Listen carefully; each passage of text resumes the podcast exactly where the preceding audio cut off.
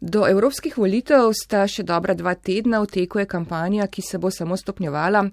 No, v tem tednu smo kandidate devetih parlamentarnih strank na prvem soočenju v sredo na prvem programu spraševali o ekonomskih in socialnih politikah, ki imajo vpliv na naša življenja.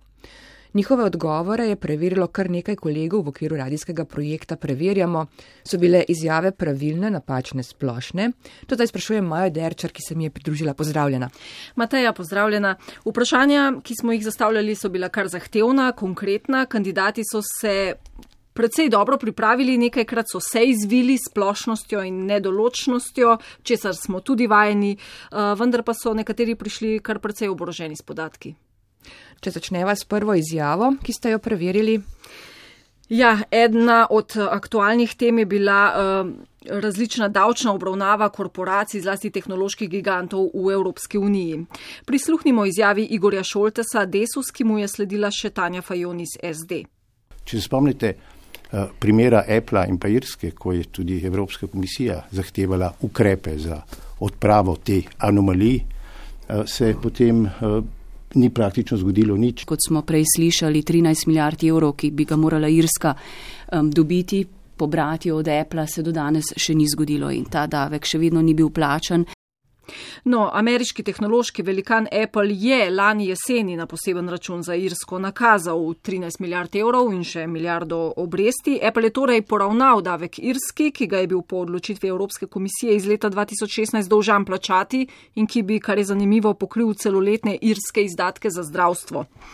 Eh, Evropska komisija je na to umaknila postopek zaradi nedovoljene državne pomoči Apple, denar pa še vedno čaka na tem posebnem računu do razpleta sodne bitke. Oba namreč, tako Apple kot Irska, ki se ne strinja z odločitvijo Evropske komisije, sta se pritožila na to odločitev.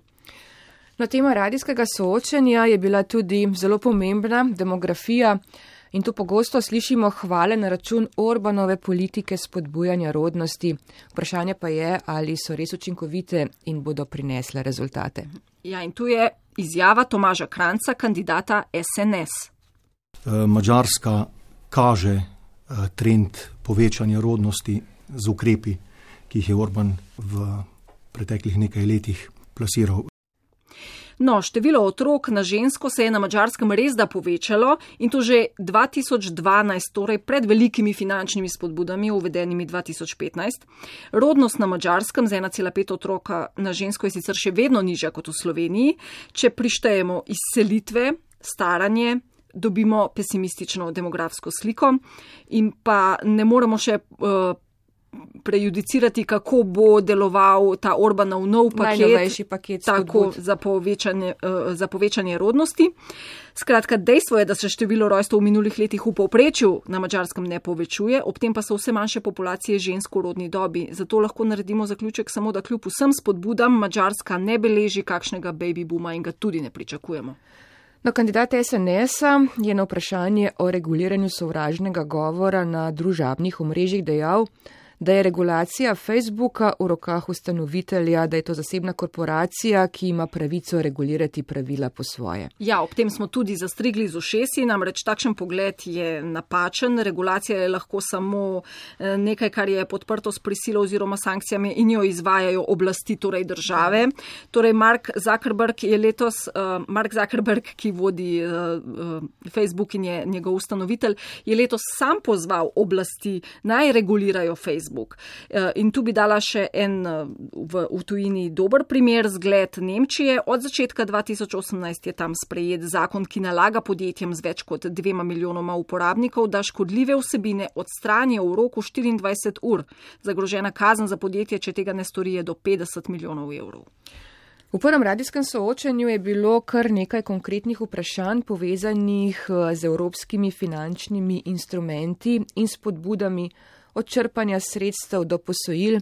Eno od vprašanj za SMC je bilo, ali je Slovenija uspešna v Junkerjevem programu, če za drugi tir ni dobila njegove podpore. Ja, in na to je SMC-jev kandidat Gregor Perič odgovoril.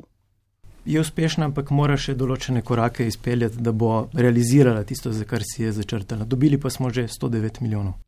Projekt drugi tir je res, da dobil 109 nepovratnih evropskih milijonov, ampak ne iz Junkerjevega naložbe, naložbenega načrta. Slednjega, kot kaže, za drugi tir nismo in tudi ne bomo izkoristili. No, slišali bomo še izjavo nosilke liste LMŠ Irene Joveva. Ja, njeni odgovori so bili sicer uh, zelo splošni, preveč splošni, da bi jih lahko preverjali na vprašanje v sklopu socialne politike ali v dozdajšnjih ukrepih, evropskih ukrepih, vidi karkoli, kar bi poenotilo nacionalne inšpekcije dela in poskrbelo za nadzor nad delavskimi pravicami, je odgovorila. Skupen nadzor bi bil uh, v redu, ampak se mi zdi, da je tle mogoče ključno, uh, če že govorimo o tej pravičnosti uh, in razlikah, določitev nekih minimalnih standardov um, in konc koncev tudi nadzora, ampak um, dvomimo, da bo do tega prišlo na ravni držav članic zaradi teh različnih standardov. Pa vendar je lani decembra na ravni članic na svetu Evropske unije prišlo do dogovora o stališču v zvezi z ustanovitvijo Evropskega organa za delo, ki bi omogočil usklajene in skupne inšpekcijske preglede pri čezmejni delovski mobilnosti. Kar je več kot nujno, se mi zdi. Ne? Tako je. Ja. No, Maja, kako pa recimo razložiti podatke, ki jih je navajal Luka Mesec iz Levice z obrazložitvijo, da slovenske plače niso najbolj obdavčene v Evropi in je pred nami še dosti drugih držav z višjo obdavčitvijo dela. Iva Dimic iz Nove Slovenije pa mu je v odgovoru navajala bruto plačilo v višini 2000 evrov, po katerem francozom ostane skoraj 400 evrov višji neto znesek kot slovencem. Kdo ima tu prav? Tu imata oba prav.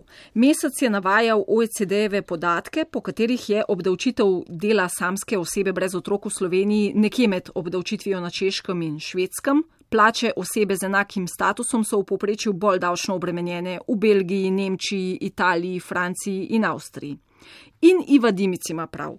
Od 2000 bruto francozu ostane višji neto kot slovencu, ker Slovenija precej obdavčuje svoj srednji razred, sicer Francija ravno tako, vendar pri bruto znesku 2000 evrov je to v Sloveniji že dobra plača nad povprečjem, v Franciji pa pod povprečjem, zato je na njo obešenih manj davkov.